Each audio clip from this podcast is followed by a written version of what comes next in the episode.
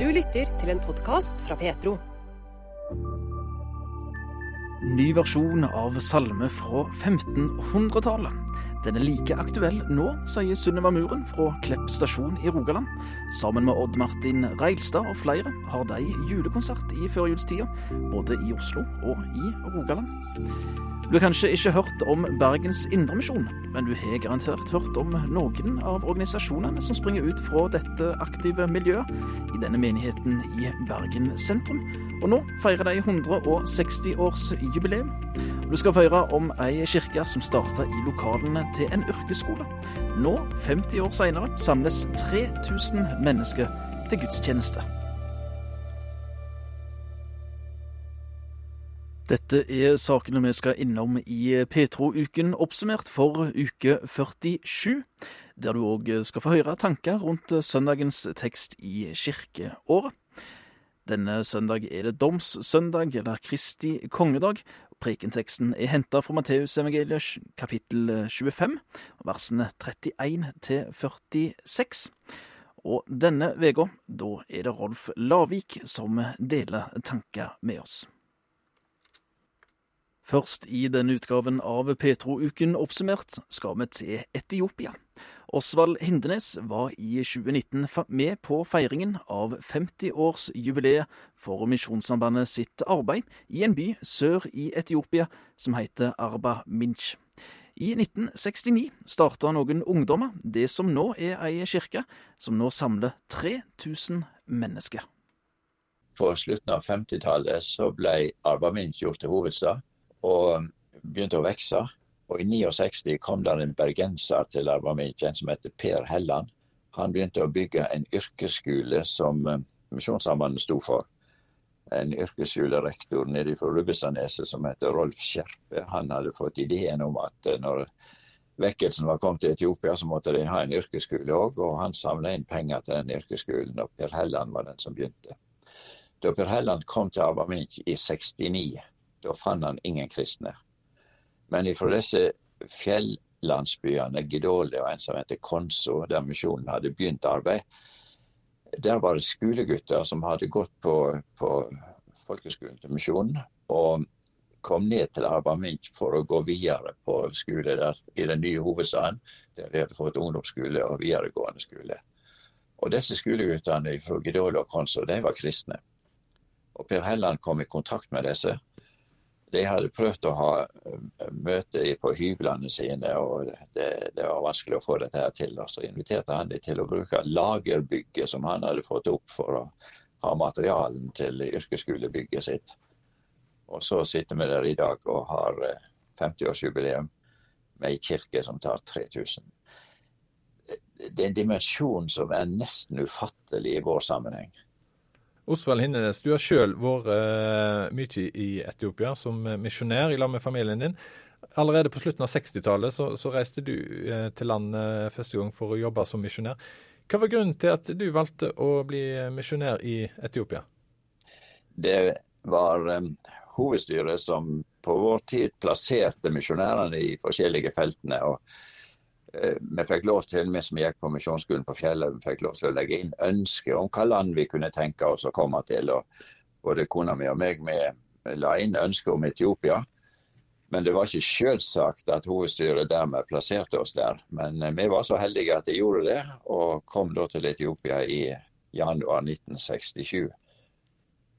Ja, Du bruker ordet heldige. Det var der dere ønska å få jobbe? Ja, det var der vi hadde et stort ønske om å få jobbe. Vi hadde jo lest litt historie om Etiopia og følte dette som litt av et eventyrland på mange måter. Og Dessuten er det jo et land som er sterkt representert i Bibelen. Det er jo 42 ganger faktisk Etiopia, eller deler av Etiopia nevnt i Bibelen. Så vi hadde eh, store ønsker om å kunne se noe mer av dette landet og få lov til å arbeide i et sånt land som misjonærer. Mye har skjedd i dette landet siden dere besøkte det for første gang. Eh, Bl.a. innbyggertallet har jo steget fra 22 millioner i 1966 til 120 millioner i 2021. Eh, Hva har skjedd i dette landet her i løpet av disse her årene eh, du og Misjonsmannen har fått jobbe der? Det har vært en rivende utvikling i landet. altså Så lenge det er fred i et land, så utvikler landet seg og, og, vokser på en god måte. Og i, i fredsperiodene i Etiopia så har vi sett at akkurat det har skjedd. De har kunnet bygge opp landet, det er masse ressurser i dette store landet. Og det med folketallet, hvor nøyaktig disse tallene er, det, det, vet vi ikke helt. Men eh, da vi kom i 67, da sa alle de gamle misjonærene at det er 24 millioner men mennesker i landet. I dag regner de 110 og 120, skriver noen statistikker. Eh, en plass over 100 millioner er det nok. og Du merker det nesten når du kommer der det vrimler av folk. Så det kan godt være riktig dette tallet på 110 millioner. Og det er klart det at Når det er et så stort folketall, og mange av disse her får et barn gjennom året, så øker folketallet veldig raskt. I løpet av disse årene her så har altså levealderen økt, og barnedødeligheten den har gått ned. Har dette noe med det misjonsarbeidet som eh, bl.a. Misjonssambandet har fått være med på? Ja, Det tror jeg vi ubetinget kan svare et ja på. For um, da vi kom til Sør-Etiopia, så var det så å si ingenting av uh, undervisning, skole. Det var litt rundt den koptiske kirka i byene, men ellers ingenting ute blant folket på, på landsbygda. Og Helsevesen var det òg veldig lite av. Eh, litt i byene, en liten klinikk eller noe sånt, men ikke noe særlig. Så det Misjonssambandet fikk være med på, var å bygge opp både helsevesenet med sine 17 klinikker. Vi drev fem sykehus en periode. Og vi satte i gang med skole på, helt fra barnehagenivå opp til videregående. Og det er klart at Dette har betydd eh, en, en, stor utvikling på mange områder i landet når det gjelder kunnskap og helse. Og det at barnedødeligheten har gått ned, det skyldes nok ganske mye de store prosjektene som vi har hatt for å bygge ned nettopp barnedødelighet. Det sa Osvald Hindenes, som reiste sammen med sin familie til Etiopia første gang i 1967. I 75 år har Misjonssambandet sendt misjonærer fra Norge til Etiopia. På det meste hadde de 199 misjonærer i landet. Da kinesiske kommunister overtok makta i 1949 og netta vestlige misjonærer tilgang til Kina, flytta Misjonssambandet misjonsarbeidet sitt til Etiopia i Afrika. Kristendommen kom til Etiopia i ca. år 325, og siden da har Den koptiske kirke vært etablert nord i landet. Det var svenske misjonærer som hadde jobba der i flere år, som anbefalte Etiopia, siden det var mange der som ville tro på Jesus, sier Osvald Hindenes, som i flere tiår har vært misjonær for Misjonssambandet i Etiopia. Svensk misjon hadde begynt der i 1904 og de opplevde at dørene var veldig åpne, og det var mye som det var behov for, både på skolefronten og helsefronten, og ikke minst når det gjaldt menighetsbygging. Så svenske Fosterlandsstiftelsen hadde kontakt med Misjonssambandet og foreslo at når de måtte ut av Kina, så kunne Etiopia være et godt alternativ. Der var det store behov. Ja, ble det et lett valg eh, å, å velge Etiopia, da, selv om det var et helt nytt kontinent? Ja, lett jeg, jeg, jeg, tror egentlig at svaret er ja på det, uten at jeg kan uh, stå helt inne for det. Det er jo såpass lenge siden som 1948. Men eh, Tormod Vågen, som da var generalsekretær i Misjonssambandet, og en av de erfarne kinamisjonærene, Olaf Lie, de reiste til Etiopia og fikk audiens hos keiser Haile Selassie.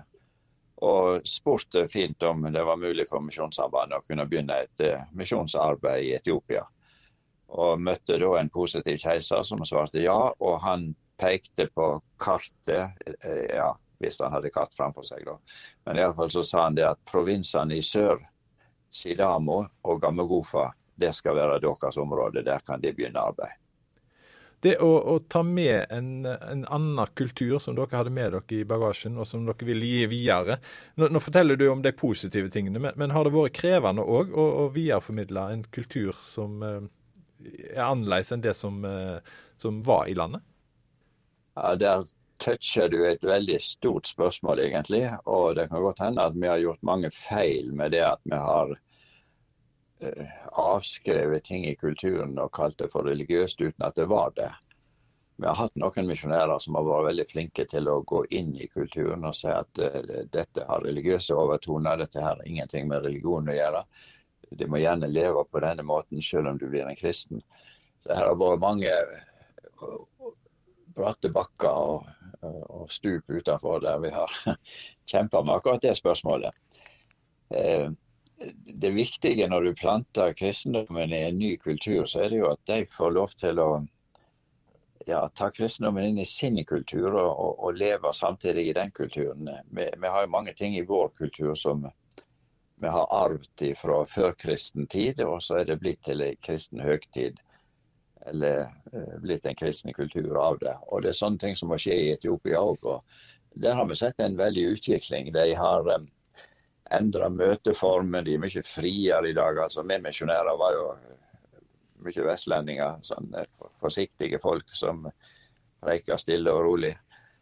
Og så er det flott å høre på mange av disse som står fram i dag ute i Etiopia og, og forkynner med stor kraft og med stor frimodighet.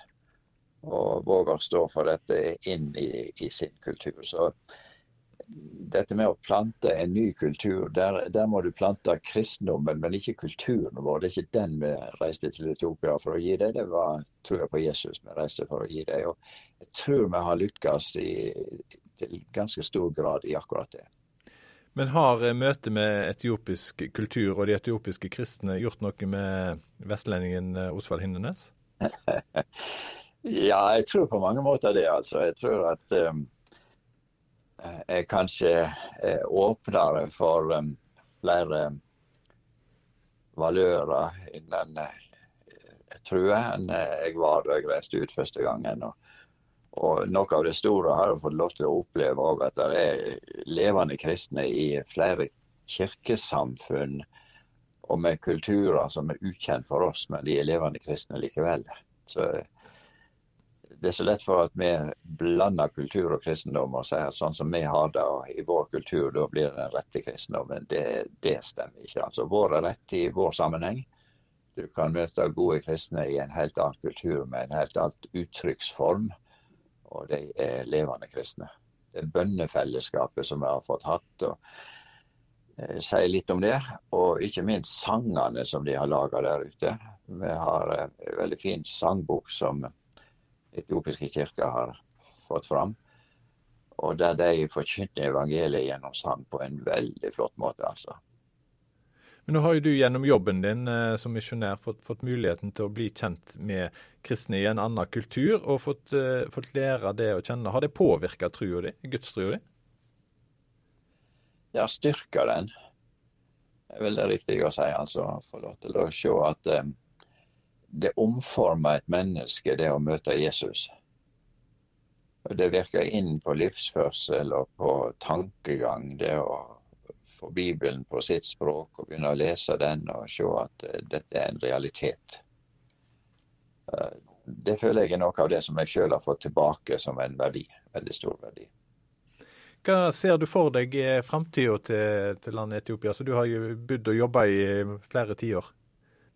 Hvis de får lov til å leve i fred, så vil dette landet utvikle seg og bli mer og mer eh, moderne land som ligner på, på vårt eget land og landene i Europa. Eh, byene vokser veldig. Det er et eh, rikt byliv.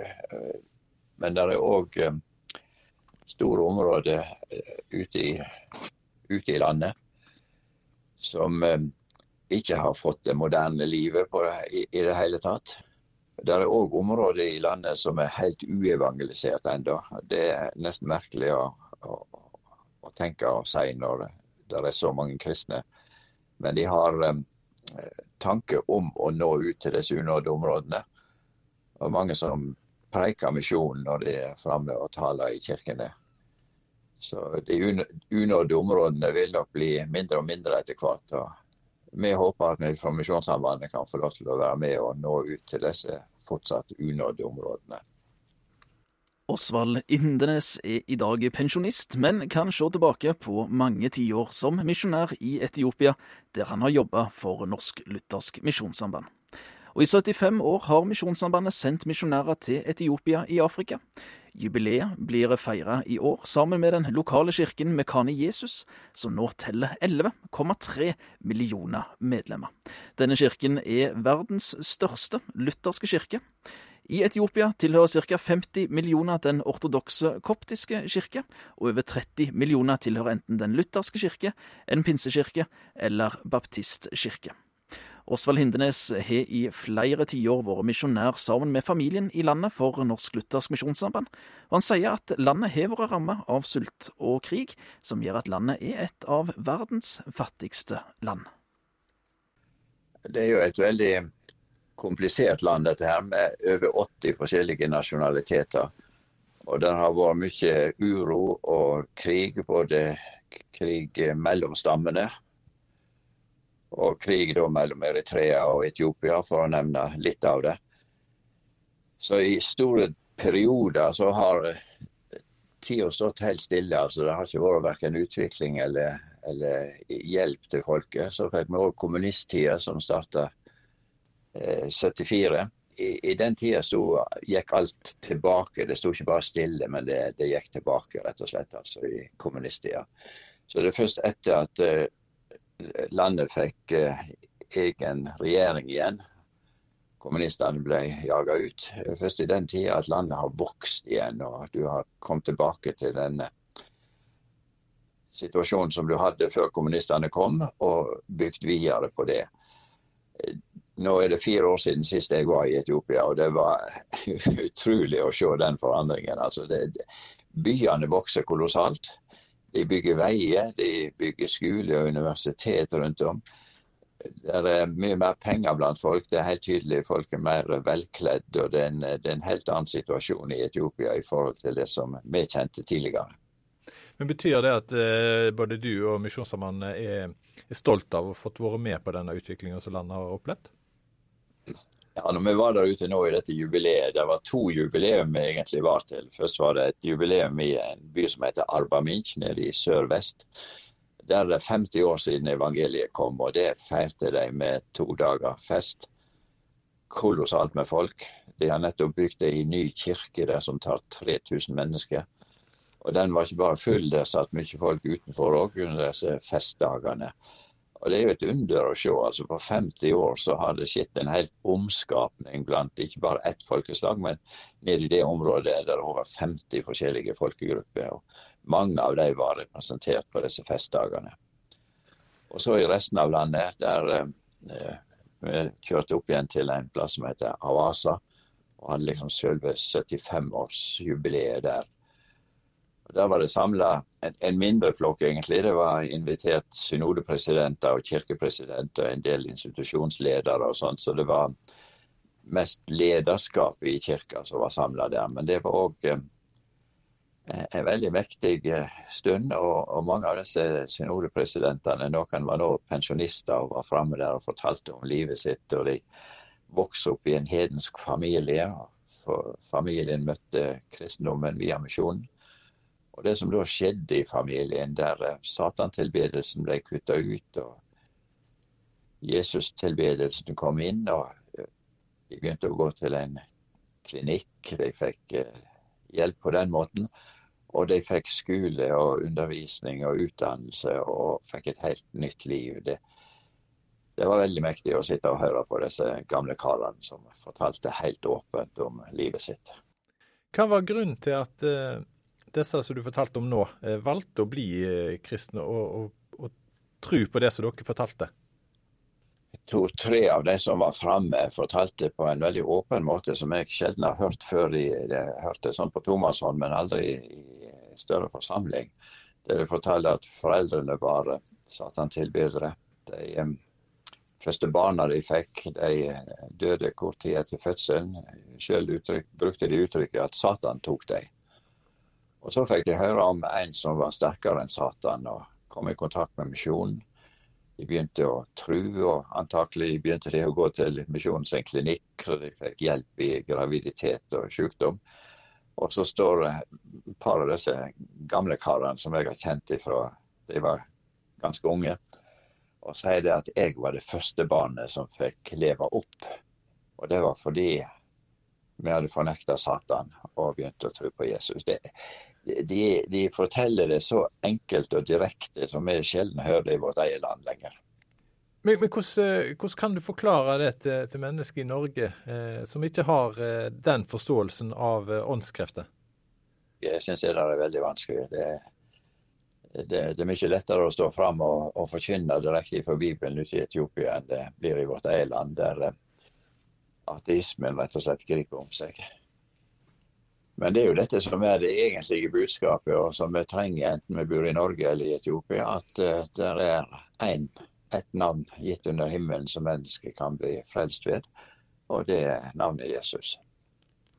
I år er det 75 år siden misjonærer fra Norsk Luthersk Misjonssamband, som er Norges største misjonsorganisasjon, reiste til Etiopia for første gang. Osvald Hindenes reiste sammen med sin familie første gang i 1967, og har siden den tid jobba og besøkt landet mange ganger. Intervjuer i innslagene var Bjørn Steinar Haugland.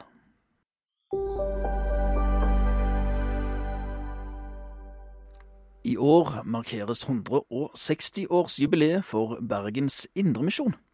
Selv om du bor et en helt annen plass i landet og kanskje aldri har hørt om deg før, er sannsynligheten likevel stor for at historien der har påvirka kristen virksomhet òg der du bor.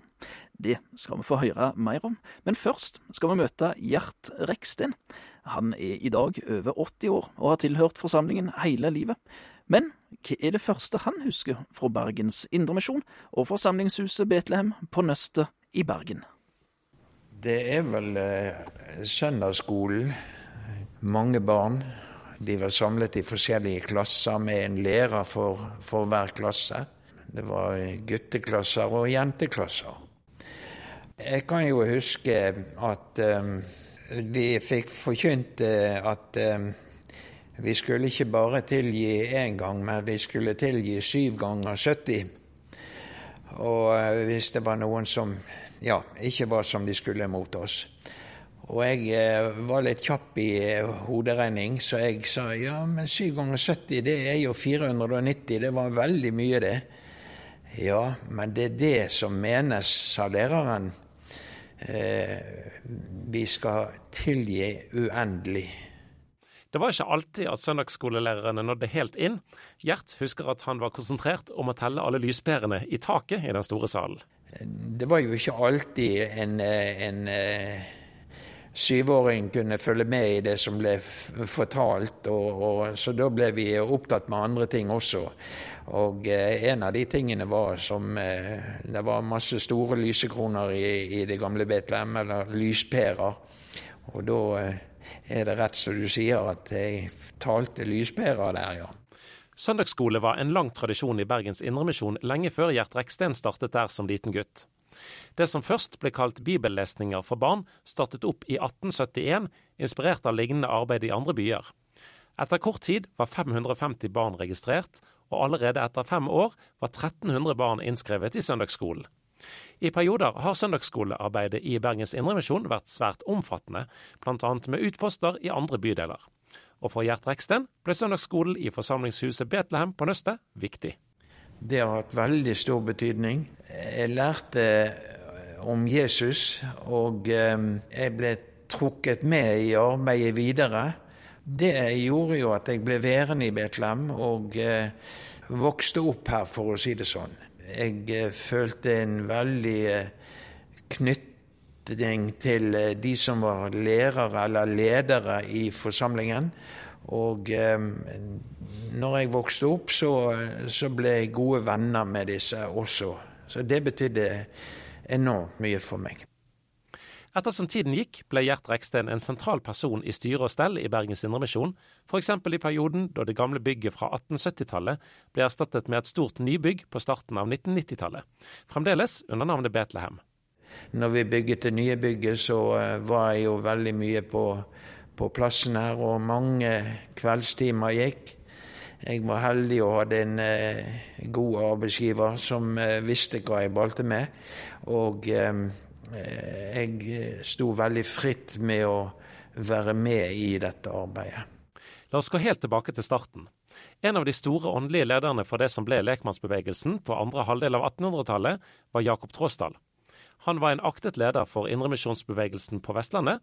Blant annet var han fra 1870 og i flere år framover formann i Bergens Indremisjon. Initiativet til stiftelsen av Bergens Indremisjon i 1863 kom imidlertid fra Johan Gjertsen, som opprinnelig var kjent fra avholdsbevegelsen. Det var jo han som, eh, som var grunnen til at eh, Bergens Indremisjon var stiftet. Han eh, var avholdstaler og så at det var ikke bare alkoholen som var problem for folk, men det var det at de hadde ikke noen tro. Og han, sammen med andre her i, i Bergen, stiftet av Bergens Indremisjon. Og det, var, det viktigste det var å få forkynt Guds ord for eh, de som bodde her. Og eh, I tillegg til forkynnelse så har jo òg det med diakoni, eller altså sosialt hjelpearbeid, vært viktig helt fra starten av? Det stemmer. Kaltes vel den gangen fattigpleien. Det var veldig viktig å drive også det, for det var liksom en innfallsvinkel til de som eh, bodde her. Og kombinasjonen av kristen forkynnelse og sosialt arbeid er fremdeles noe som preger Bergens Indremisjon i dag. De driver bl.a. Indremisjonshjemmet, et bo- og omsorgssenter for rusavhengige eller vanskeligstilte menn i Bergen. I tillegg drives det òg et aldershjem for 38 beboere på Møhlenpris i Bergen. Men Bergens Indremisjon har hatt betydning for kristenlivet langt utenfor bygrensene. En hel rekke store og tradisjonsrike organisasjoner i Kristen-Norge har sitt utspring fra åndslivet i Bergens Indremisjon og forsamlingshuset Betlehem.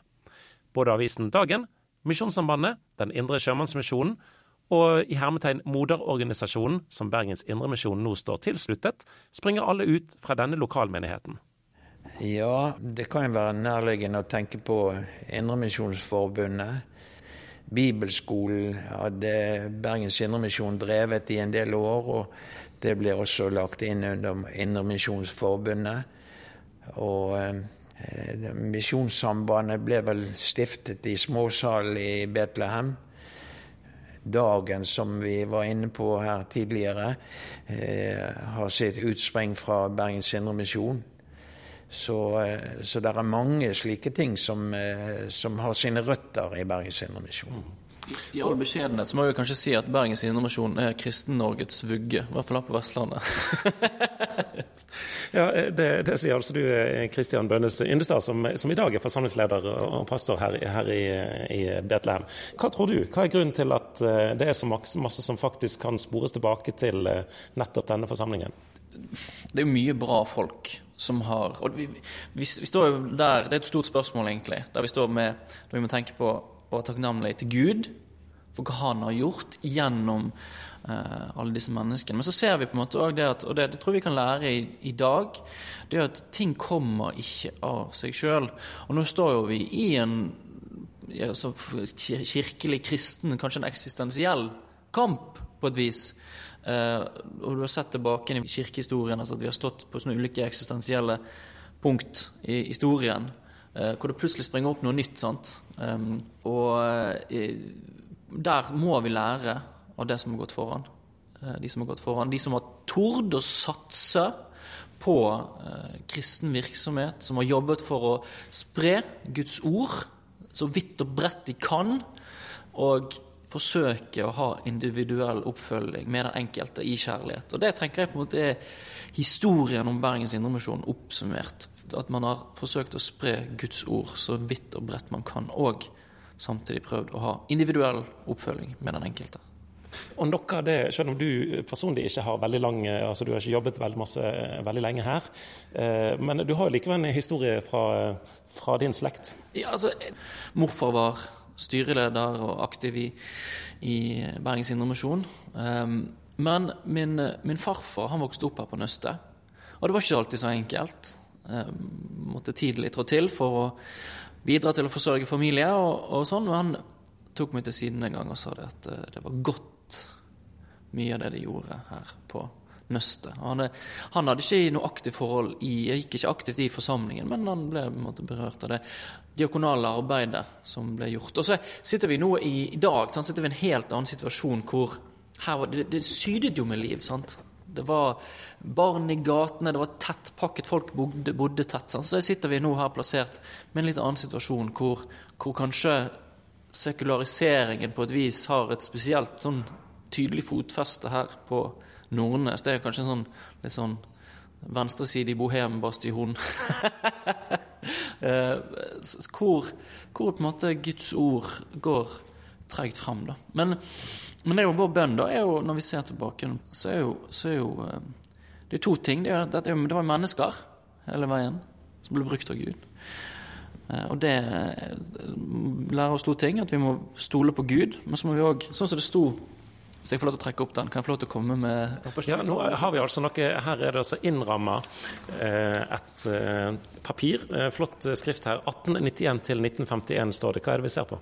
Det vi ser på, det er da en gave fra NLM, eller Norsk Luthersk Misjonssamband, til Bergens Indremisjon i 1951. Eh, hvor det står Med takk til Misjonens Herre ser vi tilbake på de 60 år siden en liten flokk misjonsvenner her i Betlehems Betlems småsal under bønn til Gud dannet Det norsk-lutherske Kina Misjonsforbund. Ja, Som altså i dag heter Misjonssambandet. Ja. Eh, det, eh, måtte dette minnet leve som en maning til samling under det gamle misjonsmotto. Vent store ting av Gud. Våg store ting for Gud. Eh, og det, det er jo, Der kommer vi tilbake til dette åndslivet som har på en måte vært brøt ut i, i 1863. Eller brøt ut, eller ble samlet i denne foreningen. Og som, har vært med å prege kirkesituasjonen i, i Bergen, men òg i Norge Eh, så det er, det er stort. Eh, men tilbake til det, vi må, vi må holde, ja, ydmyke oss framfor Gud, som er høstens herre. Og så må vi òg våge ting for Gud. Og det, eh, det, tror jeg er det jeg har lyst til å trekke frem når vi på en måte nå ser tilbake igjen. Og for vår del ser fremover. Ja, for, for, hva er Bergens Indremisjon, eller Betlehem som, som, huset her heter, hva er en i dag? Og Hvilke linjer ser du tilbake til det som da har vært? Altså, Vi har jo institusjonene våre. Eh, som er omsorgssenteret og Indremisjonshjemmet. Som er DNA-et vårt, det diakonale DNA-et vårt. Um, og hvor mennesker blir tatt vare på, hvor mennesker blir samtalt med, hvor mennesker får lov til å høre Guds ord, som er det vi ønsker òg at skal gjennomsyre alt vi gjør. Og så har vi forsamlingen her på Nøstet, som er eh, en fantastisk generasjonsmenighet. Vi har eh, hele spekteret her, egentlig. Men, men sånn som for eksempel, eh, Vi hørte her om, om søndagsskole, som var ikke bare for, for, de som nødvendigvis tilhørte med hele familien sin, men som var på en måte for hele nabolaget. Det var jo vanlig mer før. Hva kan en gjøre i dag for å nå ut til folk som bor i, i gatene rundt her? Det er vel mange ting man kan gjøre for å nå ut. Og så er det et annet klima og annet åndelig klima i Norge i dag. Og jeg tror, jeg er en av de som tror at dette virkelig kommer til å snu, eh, av flere grunner. Um, og da må kristne organisasjoner være på. Og det gjør vi, men jeg tenker her kan vi gjøre mye mer òg eh, i fremtiden. Mm. Vi må litt tilbake til deg, Gjert Reksten, eh, her avslutningsvis. Som jo altså har trådt i det barnesko i, i Betlehem og Bergens Indremisjon. Gjennom søndagsskole, som vi hørte.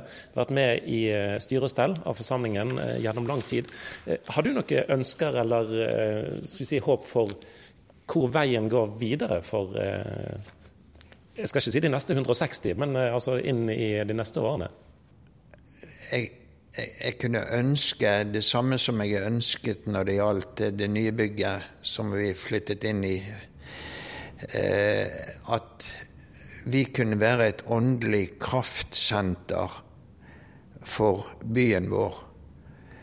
At vi kunne klare å formidle eh, Guds ord til byen vår, og gjerne utover det òg men at det liksom eh, er det viktigste for oss. Det sa Gjert Reksten, som har vært aktiv i Bergens Indremisjon hele livet. Du hørte òg forsamlingsleder, pastor Kristian Bønes Undestad, og i år er det altså 160 år siden Bergens Indremisjon blei stifta. Reporter i innslaget var Bjørn Inge Sagstad. Petro har mange ulike podkaster og serier. Samlivsskolen gir råd og tips til par. I Pastoren og Journalisten prøver vi å finne ut hvorfor mange unge forlater menigheten i overgangen til voksenlivet. Og i Petro-gjesten får du høre livs- og troshistorien til en lang rekke spennende mennesker. Ekte og ærlig. Du finner alt i Petro-appen, på petro.no, eller der du ellers lytter til podkaster. Det starta på Fjellhaug bibelskole, da Teft-linja ikke kunne reise til Indonesia under korona. Det har blitt til en tradisjon med julekonsert til inntekt for misjonsarbeidet. Fredag 24. november kom Synnøve Muren ut med ny julesang. La det vil si, denne sangen er ikke akkurat ny. Det stemmer. Det er egentlig en gammel eh, tysk julesalme helt tilbake til 1500-tallet. Um, der teksten tar utgangspunkt i en profeti fra Jesaja, fra Jesaja 11,1. Det er altså 'Det hev ei rose sprunget'. En, eh, mm. en, sang som du sier fra 1500-tallet. 1587 har jeg funnet ut. Hvorfor har du valgt å spille inn akkurat denne gamle julesangen her? Det som jeg syns er så fint med denne låten, er at veldig mange har et forhold til den eh, i ulike fasonger og med ulikt arrangement. Jeg det er noe spesielt med det når man får måte, hele perspektivet fra at det er profetert om at når Jesus skulle komme, det står at det, en kvist skal skyte fram av Isai stubb, og et skudd fra hans røtter skal bære frukter. Eh, og så Hvis vi leser da Johannes' åpenbaring, så ser du at eh, Jesus sier 'jeg er Davids rotskudd og ett, den klare morgenstjerne'. Man får et sånn tydelig innblikk i at det var ikke tilfeldig at Jesus skulle komme. Det var veldig veldig planlagt. En gammel sang og en litt eh, særprega versjon, eh, Sunniva? Ja, altså vi bruker jo det som vi kan best. Jeg er jo, ser på meg selv som en balladesanger. Eh, så det er min gitar og Martin sin gitar. Og det som er litt av vår greie, er at vi ønsker eh, dette organiske lydbildet hvor vi får fram ja, egentlig bare helt enkle. Det har bare to gitarer og et piano som ligger på litt i bakgrunnen, eh, for å få fram teksten og å klare å formidle det som egentlig teksten handler om. da. Eh, så den teksten er jo like relevant for oss i dag, og det er jeg er så kult med denne låten. da, At eh, den kan få bety noe i våre liv nå, akkurat like mye som den gjorde når den ble skrevet på 1500-tallet. da. Helt sånn enkelt uh, one takes live-opptak av låten for å få det så autentisk som mulig. En gammel julesang mellom egentlig mange andre gamle julesanger og salmer som vi tar fram. Odd Martin Dreilstad, du er med og spiller på denne sangen. Hva er det med julemusikken, tror du, som gjør at den holder seg år etter år? Jeg tror at eh, det har mye med tradisjon å gjøre. At uh, selv de eh, som en som ung kan oppleve som trauste tekster, har mye innhold. Og når jula først og fremst er en kristen høytid, så er sangene med å fortelle oss noe om hva jula handler om. Og sangen samler folk. En går rundt juletrær og, og er på julegudstjeneste. Og sangen er med å, å peke på noe, da, tror jeg. Og så er det òg bare god bakgrunnsmusikk når du baker og sånn. Jeg tror det er litt med den stemningen det gir òg, da. Dere begge to eh, bor i Oslo, eh, er engasjert i Misjonssalen i Oslo. Sunniva, du er lovsangsleder der. Du Odd Martin Reilstad fra Finnøy, du er til daglig sang- og musikkarbeider i Misjonssalen i Oslo. Hva innebærer den oppgaven? Eh, den har jeg hatt i litt mindre et år, så jeg begynner å skjønne hva det innebærer. Det er egentlig å ha det daglige ansvaret for alle de frivillige i lovsangstjenesten i menigheten. Og da har vi både gudstjenester lørdager og søndager. Så det er rundt sånn 50-60 frivillige som eh, har sin tjeneste. Og da er det både å få med nye og eh, koordinere hvem skal til hva tid, og eh, være med å utvikle og utruste dem. Fordi det er jo mange unge voksne som naturligvis kanskje ikke skal bo i Oslo resten av livet sitt. Og da er et av målene å utruste dem, så de kan en gang være med å ha ansvaret for musikken der de etablerer seg en gang. da. Så det er litt mer sånn uh, å utruste de òg, en del av det. Mm. Ja. Trives du med oppgavene? Ja, jeg må, måtte finne litt ut hva det var når jeg liksom begynte. Men jeg eh, trives egentlig bare mer og mer. Jeg syns det er veldig meningsfullt å få ha det som en jobb. Jeg hadde jo hatt det som en tjeneste, men jeg ser på det som veldig meningsfullt å få vist tillit til at dette er noe som jeg kan liksom utvikle meg i, og utvikle andre. Og peke på Jesus gjennom musikken, da. Ja, for du er jo musiker og, og, ønsker å peke på Jesus, som du sier. Og det skal dere nå gjøre med julekonsert. Fortell. Ja, det har jo egentlig bare balla på seg for hvert år. Det starta med at vi gikk på Fjelløy bibelskole i lag eh, i 2020. Og så skulle vi på reise på Tøftlinja, som det da heter, til Indonesia. Og så ble reisen bare utsatt og utsatt eh, pga. korona. Så trengte vi egentlig noe å ja, ha tankene på da, mens vi venta på å få reise. Så fant vi ut at det, ja, en julekonsert, det, det kan vi få lov å gjøre i lag. Og dele musikkglede og få lov til å formidle noe til andre. Men òg ikke minst det at vi, vi kjente nok litt på det at vi hadde, vi hadde, så lyst å bidra i det misjonsfeltet som vi egentlig var tenkt å reise til da. Eh, og da var det å samle inn penger en eh, veldig fin måte å bidra på når vi ikke kunne være der fysisk. Mm. Så har det på en måte utvikla seg videre da, med at året etterpå så samla vi en større gjeng og hadde det på bedehuset på Klepp. Og i år skal vi òg være i Misjonssalen Oslo. Dere har selvfølgelig med denne nye sangen, eh, men eh, hva mer kan folk vente seg på denne konserten? Det er mye bra, vil jeg si. Jeg må jo tørre å påstå det. Sunniva og alle andre har på en måte sammen skapt et slags konsept. fordi vi ville ikke ha den vanlige julekonserten hvor du spilte en sang, folk lytta, og så var du ferdig med den sangen. Og så var det neste. Men vi ønsker på en måte å lage en helhetlig opplevelse over det. Så en vil jo kunne oppleve at det er mye kjente sanger. Og noen kjente sanger i en ny drakt. Eh, vi er ikke så mange i bandet, så derfor har vi på en måte prøvd å være kreative. og Samtidig som det kommer noen instrumenter fra andre land for å prøve å, illustrere hvordan musikken var på Jesu tid. Eh, og så er det litt tekstlesning, og så prøver du å avslutte mot eh, det som jula egentlig handler om. da. Så det er på en måte en slags konsert som da har Jesus i fokuset, i mer eksplisitt og implisitt form. da. Overskuddet det går til et bistandsprosjekt som eh, Misjonssambandet har. Så det er en vinn-vinn-situasjon hvis du nå sitter og tenker på om du kanskje skal ikke. For du betaler en veldig billig billettpris, får en konsertopplevelse, og så gir du egentlig alt til misjonen. Det sa Odd Martin Reilstad, som i lag med Sunniva Muren og flere andre inviterer til julekonsert i Misjonssalen Oslo 8.12.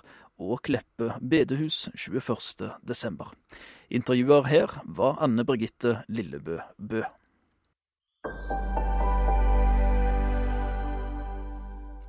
I serien Refleksjon er det denne uka Rolf Lavik som har vært med og delt noen tanker med oss ut fra kommende søndags tekst i kirkeåret.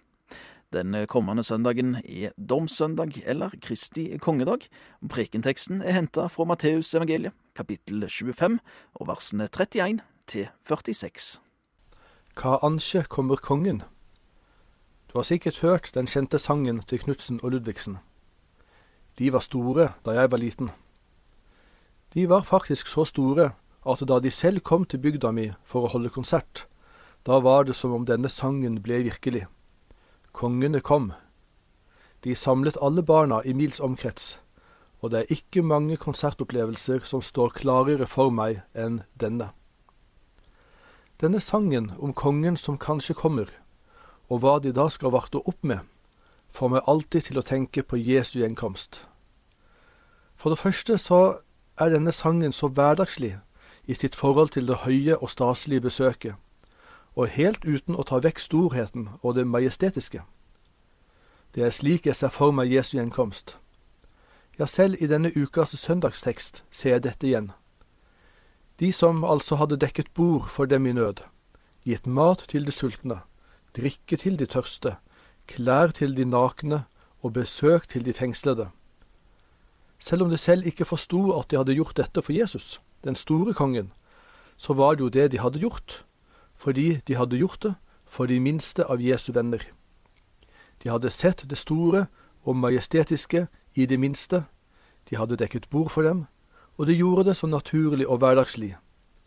Det er et så fantastisk sinnelag at du forstår at disse må være barn av sin konge. For det andre satte Knutsen og Ludvigsen ord på denne barnlige forventningen som jeg tror alle Guds barn har, denne positive gleden og lengselen etter et storfint besøk av kongen. Alle Guds barn har denne lengselen. Kom, Herre Jesus, kom, sa apostelen Johannes.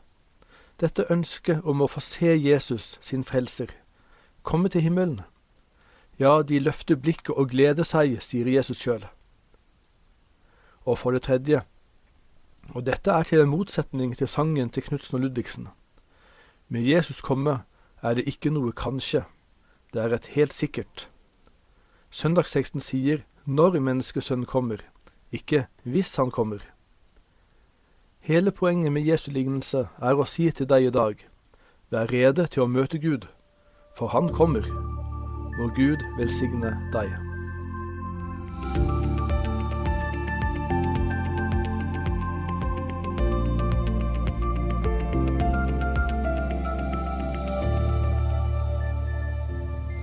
Når jeg er hjemme, så hjelper jeg ofte til i hønsefjøset til den eldste sønnen min. Han driver med egg. Hver dag er det 7500 nye egg som er lagt, og de må tas vare på. De er verdifulle. Det samme er jo hønene, som jo produserer eggene. Når jeg så går i fjøset hver morgen, er det med ett mål for øyet. Det er å ta vare på. Hønene skal selvsagt ha mat og vann og riktig temperatur, frisk luft og en god gjødselhåndtering. Det er jo en grunnleggende omsorg. Men så må man ta vare på dem med én ting til. Jeg må sortere. Jeg skiller ut de døde fra de levende. Døde høner utgjør en smitterisiko for de levende. Derfor må de døde ut. De kan ikke bli værende sammen.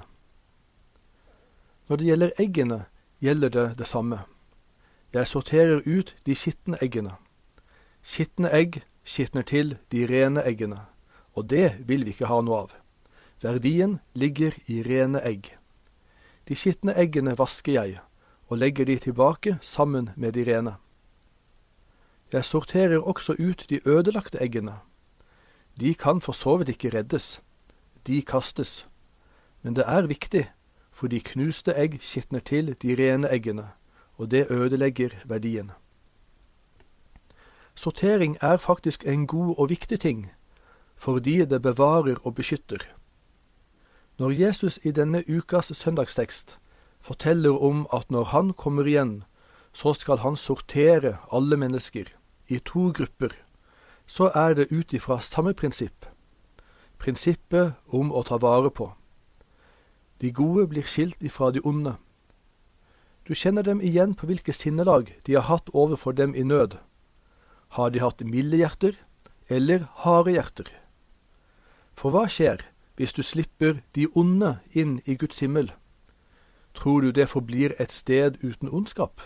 Nei, de hadde nok ødelagt alt, så de må sorteres ut. Og de som er vasket rene fra sin ondskap, og har fått del i Jesu renhet, de får komme inn. Så dagens tankekors er dette. Er du klar til å bli sortert av Jesus etter hans kriterier? Må Gud velsigne deg.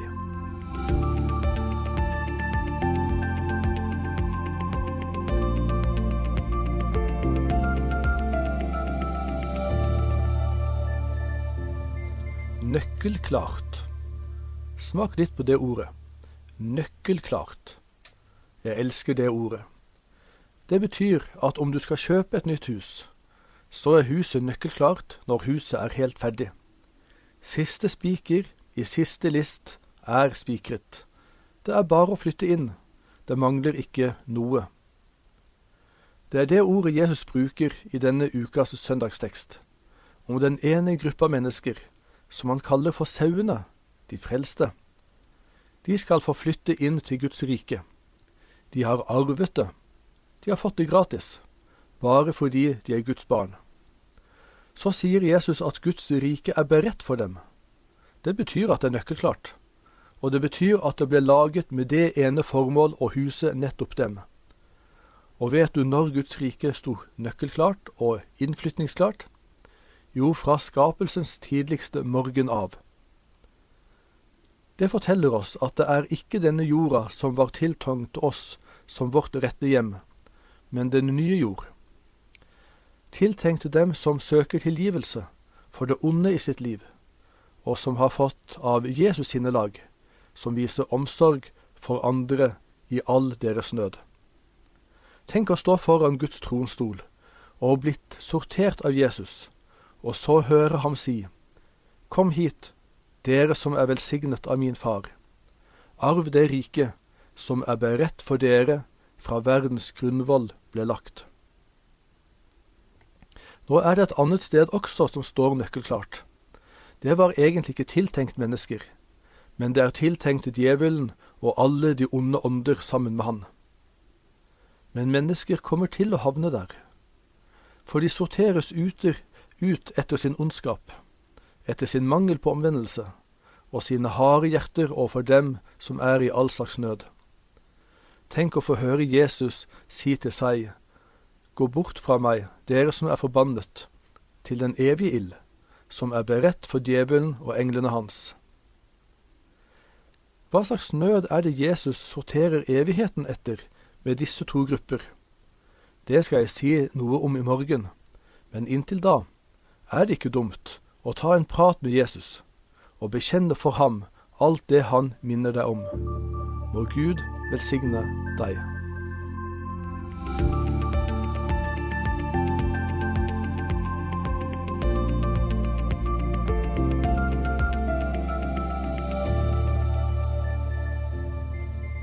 Har du noen gang opplevd å ha fått noe godt ifra noen? Men det var ikke fordi at de var glad i deg, men fordi de var glad i en annen, f.eks. i din familie, en besteforelder eller forelder eller søsken. De ville vise sin takknemlighet til en annen enn deg, og de gjorde det med å være snill mot deg. Jeg har opplevd at noen var snill mot min sønn, som de ikke kjente, men det var fordi de kjente meg. Jeg har opplevd snillhet ifra noen, ikke fordi de kjente meg, men fordi de kjente mine foreldre, eller mine besteforeldre. Jeg har opplevd at noen er slem imot meg, ikke fordi at jeg har gjort dem noe galt, men fordi det er noen av mine nærmeste de ikke likte. Det vi her snakker om, er egentlig ikke uvanlig. Man blir ofte behandlet, ikke ut ifra seg selv, men ut fra de relasjoner vi har, eller den gruppe vi tilhører. Ja, på både godt og vondt. Dette er egentlig også et himmelsk prinsipp. I prekenteksten vår denne søndagen sorterer Jesus alle mennesker etter hva de har vist av omsorg for andre i all deres nød. Og da er ikke poenget hvor glad de har vært i disse andre, men hvor glad de har vært i Jesus det er egentlig forholdet til Jesus og takknemligheten til Han vi sorteres etter. For Jesus sier til den ene gruppen, Alt dere gjorde mot en av disse mine minste brødre, det gjorde dere mot meg. Og til den andre gruppen, det dere ikke gjorde mot en av disse minste, det har dere heller ikke gjort mot meg. Så spørsmålet er, elsker du Jesus? ja, da elsker du de som hører Jesus til. Eller som Jesus sa til Peter, elsker du meg, da fø mine lam.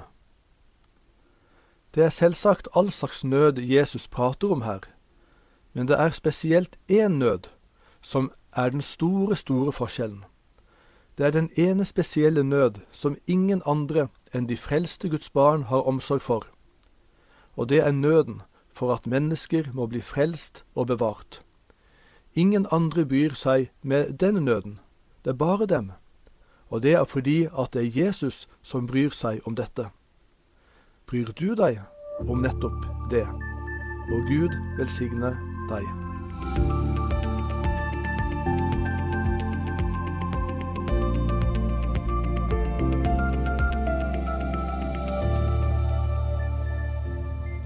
Jeg er oppvokst med sauesanking. Det var høstens store begivenhet. Vi var som den gode hyrde, som gikk for å finne de bortkomne sauene. Og når de var kommet hjem til gården, da ble de sortert, for det var ikke alle sauene som tilhørte oss. Jesus forteller i denne ukas søndagstekst at når han kommer igjen, blir det noe lignende. Han samler alle de han har sanket, og så skal det sorteres. Og Jesus skal skille mennesker slik som han skiller sauer og geiter. Jeg tenker at det må jo være en enkel jobb. Riktignok er jo både sauer og geiter begge sauedyr, og, og ganske like på mange måter, men så like er de dog ikke, for det er lett å se forskjell på dem. Hva sorterer Jesus mennesker etter? Det er jo litt viktig å vite. Jo, selvsagt om de tror på han eller ikke, om de har omvendt seg eller ikke, om de lever i nåden eller ikke. Disse ting er for så vidt vanskelig å se, For det har med menneskers innside å gjøre. Det ser bare Gud. Men de kan likevel ses forskjell på. For fruktene av det å omvende seg, eller å ikke omvende seg, det er lett synlig. Derfor sa Jesus at på fruktene skal dere kjenne dem. For gode trær bærer ikke dårlig frukt, og dårlige trær bærer ikke god frukt. Utsiden, den sier faktisk noe om innsiden.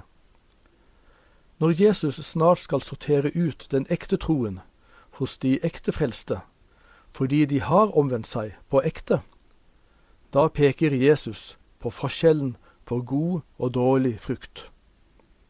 Den gode frukt er de som er opptatt med å gi de andre mat i rette tid, altså å hjelpe dem inn til Guds nåde, bry seg med deres evige sjel og deres frelse. Det er Jesu sinnelag. Den dårlige frukt er de som er opptatt med seg selv, og som ikke bryr seg med de andres evige og åndelige nød. De var hardhjertede og faktisk kunne slå litt de andre medtjenerne. Det er domssøndag denne søndagen. Den skal minne oss om at vår himmelske konge kommer, og han kommer for å sortere, og han sorterer etter ektheten av din tro og din omvendelse. Så dette er søndagen for å ransake seg selv og ta en ny, ærlig prat med Jesus. Og Gud velsigne deg.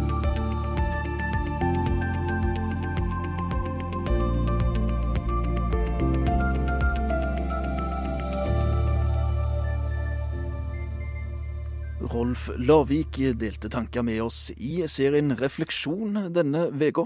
Prekenteksten som var utgangspunkt for tankene, var henta fra Matteusevangeliet kapittel 25 og versene 31 til 46. Du har lyttet til en podkast fra Petro. Du finner mer i Petro-appen, på petro.no, eller der du ellers lytter til podkaster.